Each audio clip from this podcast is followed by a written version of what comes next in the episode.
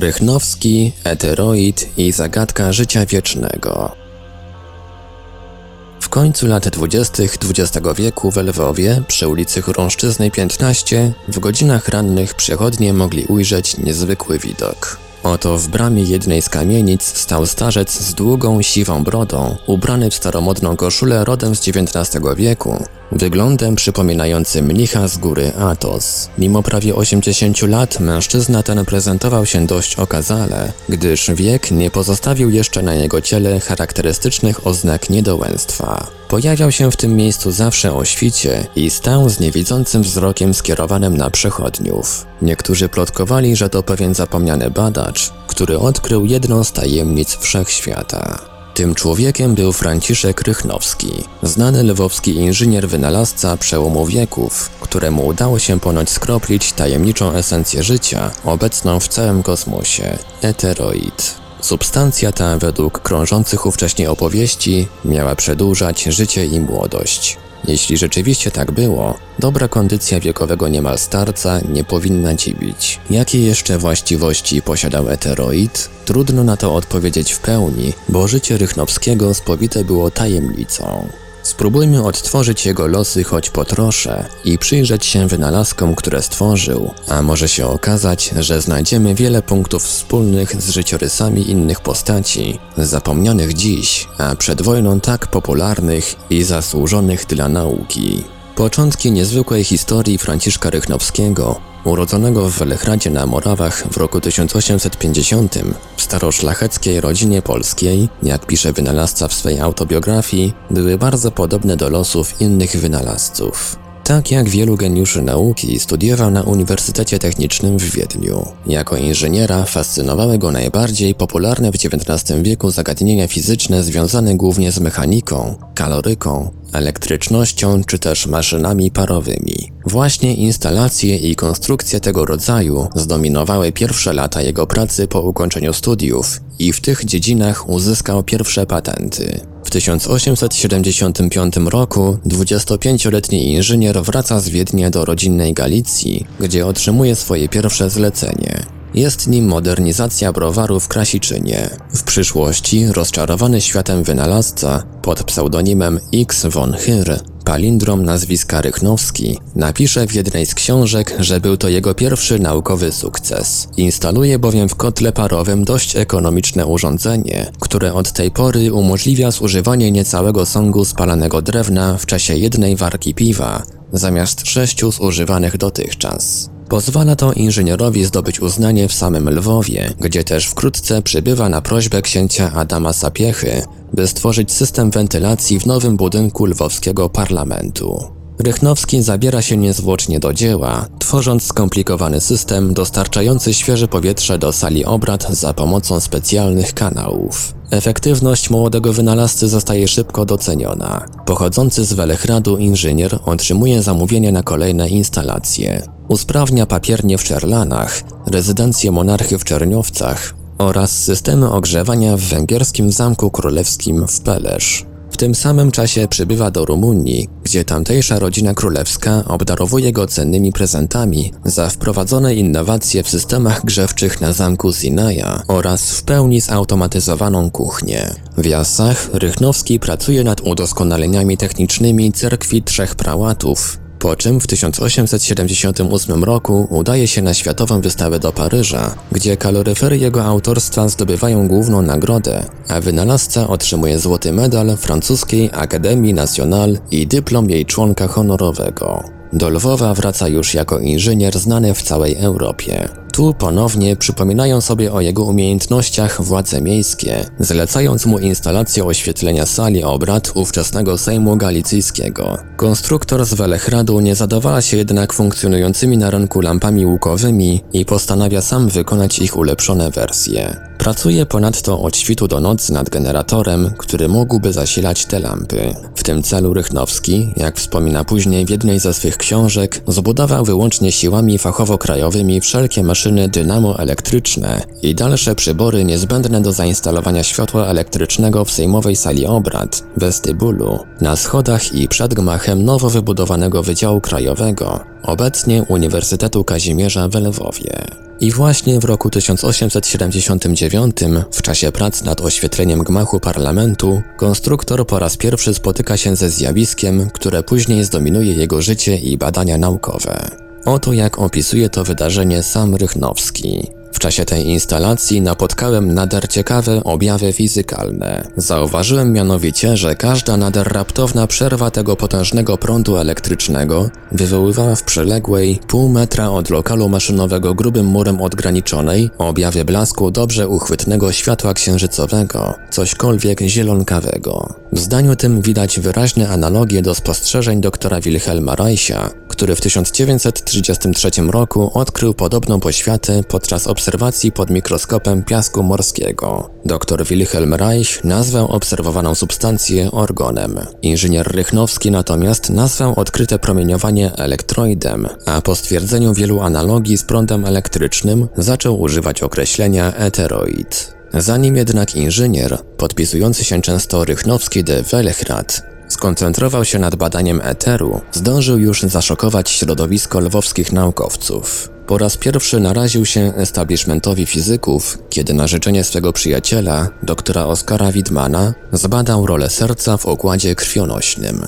Potraktował bowiem sprawę zgodnie z naukową metodologią, przeanalizował literaturę, wykonał serię doświadczeń, wreszcie porównał i zliczył wyniki. W efekcie postawił dość zaskakującą tezę. Stwierdził, iż znaczenie serca jest przez ludzi wyolbrzymiane, gdyż w głównej tętnicy serca, aorcie, znajduje się ciśnienie 100 razy za małe, aby przetłoczyć krew przez naczynia włosowate. Działo się tak z powodu znacznej gęstości krwi. Cyrkulacja krwi była jego zdaniem możliwa głównie dzięki różnicy bądź to potencjałów elektrycznych krwinek, bądź składu chemicznego krwi i komórek tworzących naczynia, przez które ona biegła. Zdeprecjonowanie roli serca w układzie krwionośnym spotkało się z krytyką i niezrozumieniem w szeregach naukowców. Jak pokazać miały przyszłe doświadczenia, Rychnowski w swojej diagnozie nie był całkowicie pozbawiony racji, choć nie potrafił jasno określić funkcji serca w całym procesie. Tym samym czasie naukowiec pracował nad innym niezwykłym dziełem emiterem fal elektromagnetycznych, w stworzeniu którego wykorzystał teorię przypisywaną powszechnie Heinrichowi Herzowi, a jednak wszystko wskazuje na to, że Polak był pierwszy. Hertz ogłosił swoje tezy dopiero w 1887 roku. Tymczasem Rychnowski swój model pokazał wraz z innymi wynalazkami tamtej epoki już 4 lata wcześniej, w Wiedniu, na kolejnej światowej wystawie. I znów był na ustach wszystkich, podobnie jak stało się to udziałem Tesli w 1893 roku w Chicago. I podobnie jak w przypadku genialnego Serba, był to wielki triumf lwowskiego naukowca. Historia lubi się powtarzać. Każdy geniusz, który chciał obdarować świat czymś szczególnym, musiał najpierw wypowiedzieć wojnę tym, którzy za wszelką cenę nie chcieli zmieniać istniejącego status quo. I podobnie jak wszyscy wielcy przed nim i po nim, Rychnowski w boju tym skazany był na porażkę.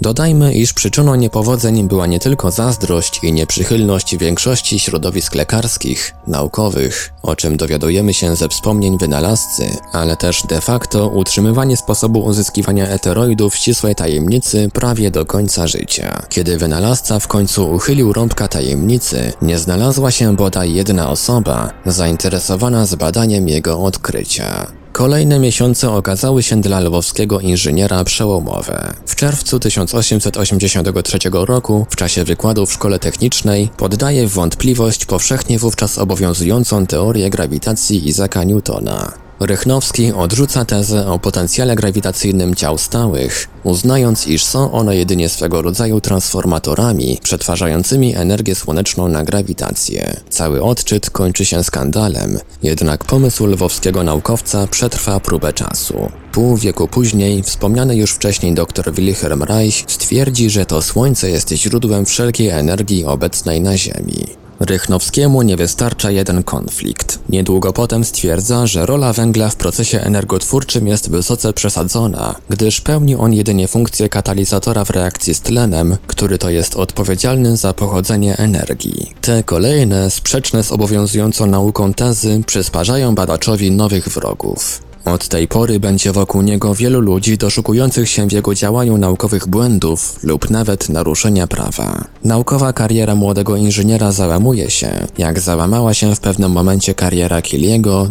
Tesli czy Reicha. Inżynier Rychnowski odmawia objęcia posady profesora na Politechnice Lwowskiej, którą mu zaproponowano. Jednak przez 50 lat, aż do śmierci, pozostaje czynnym członkiem Lwowskiego Towarzystwa Politechnicznego i jest traktowany z należytym respektem. Jego odczyty cieszą się dużym powodzeniem ciszy własnego laboratorium, niejednokrotnie dławiąc w sobie złość i poczucie bezsilności, samotny badacz pasjonat rozwija teorię eteru. Z punktu widzenia sensu całego jego życia, był to rzeczywiście strzał w dziesiątkę. Odkrycie zielonkawej substancji, jakiego dokonał Rychnowski w 1879 roku, skłania go do dalszych badań w tej dziedzinie. Na ich podstawie stwierdza, że zasada działania prądu elektrycznego wynika z nieznanej lotnej materii, która porusza się po powierzchni metalowych przewodów. Źródłem owej tajemniczej energii prototypowej, jak ją nazywa wynalazca, jest Słońce i inne gwiazdy. Ta materia energetyczna, pisze Rychnowski, przedostaje się w formie emisyjnego promieniowania słonecznego ku Ziemi i ku dalszym planetom systemu słonecznego i jest podstawą nie tylko światła i ciepła, elektryczności, magnetyzmu, chemizmu i wszelkiego życia organicznego, lecz i zasadniczą przyczyną obrotów planet i ich krążeń naokoło Słońca. Po raz kolejny pojawiają się paralele z odkryciami Reicha i jego organem. Czy mógłby to być dowód na istnienie alternatywnych dziedzin nauki, które towarzystwa scjentystów usilnie starały się lekceważyć? Moglibyśmy wątpić, gdyby nie efekty działań pionierów tych zapomnianych gałęzi nauki. A efekty odkrycia Rychnowskiego były niemałe. Na podstawie kolejnych doświadczeń zauważa on, że opisywana substancja wpływa nie tylko na świat nieożywiony, ale także na ożywiony, będąc czymś w rodzaju vis vitalis, czy też chińskiej zasady życia chi. Co więcej, praktykująca jogę Ani Besant, z którą Rychnowski analizuje swoje odkrycia, uznaje, że eteroid jest tożsamy z praną, która w filozofii ludów wschodu, w tym w hinduizmie, stanowi podstawę wszech rzeczy. Zachęcony do dalszych eksperymentów, podejmuje próbę uchwycenia tak lotnej substancji, jaką był eteroid. Kolejne działania w końcu przynoszą sukces. Któregoś dnia udaje się złapać badaną materię do szklanego klosza. W efekcie Rychnowski uzyskuje też zielonkawe kuleczki skroplonego eteroidu, które pod naciskiem pękają, rozpryskując się na świecący pył. Wynalazca staje się depozytariuszem niezwykłej wiedzy. Od tej pory poświęca się tylko pracy, tak by w końcu pokazać efekt swojego znoju tym, którzy w niego zwątpili. W lutym 1899 roku w laboratorium lwowskiego inżyniera wynalazcy zebrało się kilku znanych dziennikarzy, którzy mieli stać się świadkami niezwykłego widowiska. Inżynier zaprezentował im swoje nowe urządzenie, którego główną funkcją miało być generowanie eteru i jego emisja w danym kierunku. Aby pokazać sposób i możliwości działania swej maszyny, zawiesił przed nią stalową kulę, która po skierowaniu na nią gumowej rurki, podłączonej do maszyny, z której wydobywał się eteroid, zaczęła lekko wirować. Następnie, dla wzmożenia efektu, eksperymentator odseparował kulę od maszyny szklaną szybą. Efekt wirowania, choć nieco osłabiony, nadal był widoczny. Dopiero gdy zamiast szkła użyto metalowej płyty, wirowanie ustało, zaś na płycie pojawiło się zjawisko polaryzacji i napięcie elektryczne. Wynalazca postanowił jeszcze bardziej zaskoczyć dziennikarzy. Po chwili w pobliżu maszyny do generowania eteru umieścił roztwory różnych soli, które pod wpływem promieniowania skrystalizowały się.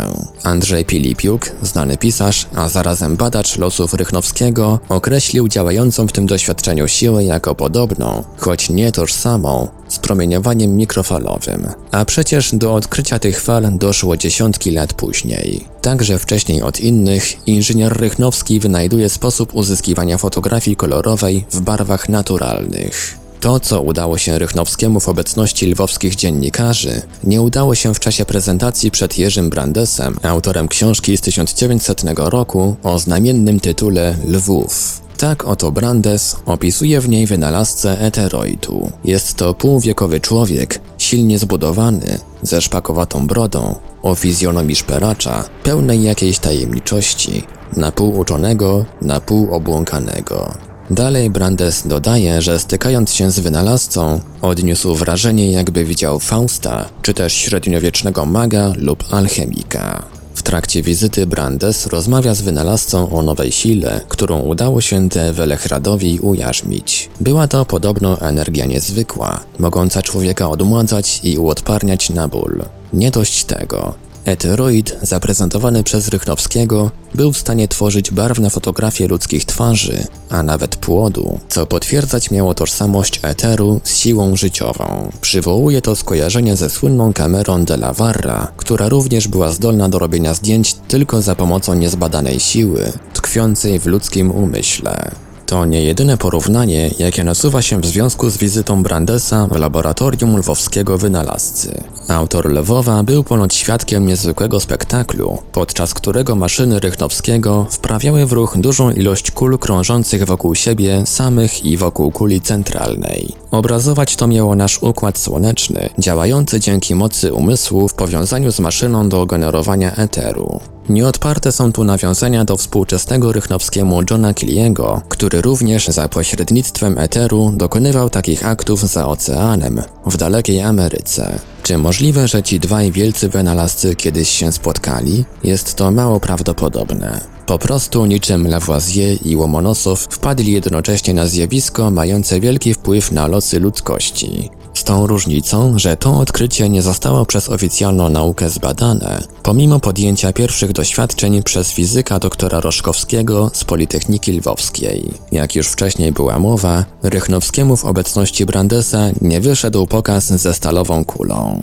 Wówczas naukowiec, w chwili słabości, powiedzieć miał o tym, że eter jest siłą generującą energię, dzięki której okręty mogłyby pływać dużo szybciej. Mocarstwo posiadające maszyny zbudowane przez Rychnowskiego mogłoby więc panować na morzu, co miało wówczas największe strategiczne znaczenie w polityce międzynarodowej. Naukowiec nie pomylił się w swych przewidywaniach. Gdy jego wynalazek stał się już sławny poza granicami monarchii austro-węgierskiej, Dowiedzieli się o nim Amerykanie. Historia mówi, że naukowiec odrzucił propozycję 4,5 miliona dolarów, czyli większą niż w owych czasach proponowano za wynalazki Nikoli Tesli. Polak do końca był przekonany, że jego prace nie mogą opuścić rodzinnej ziemi. Jak stwierdził w jednej ze swych książek, uważam to za konieczność, ażeby ten kraj, w którym to odkrycie zdobyto, w pierwszym rzędzie z takowego korzystał, jeżeli by Polska została wskrzeszona ze swojej niemocy politycznej, to gotów jestem podarować ten skarb przyrodniczy państwu polskiemu.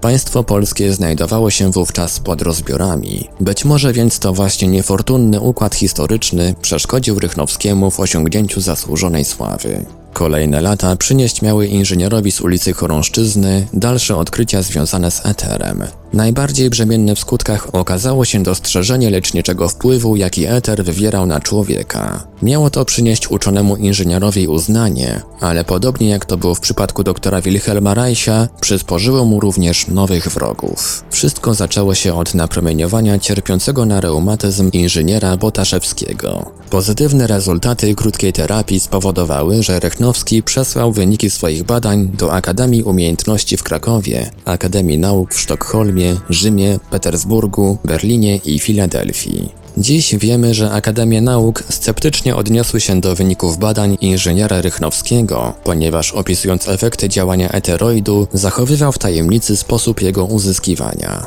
Wiadomo, że do negocjacji z wynalazcą przystąpili Niemcy, zaś ówcześni okultyści uznali eteroid za potwierdzenie swoich teorii.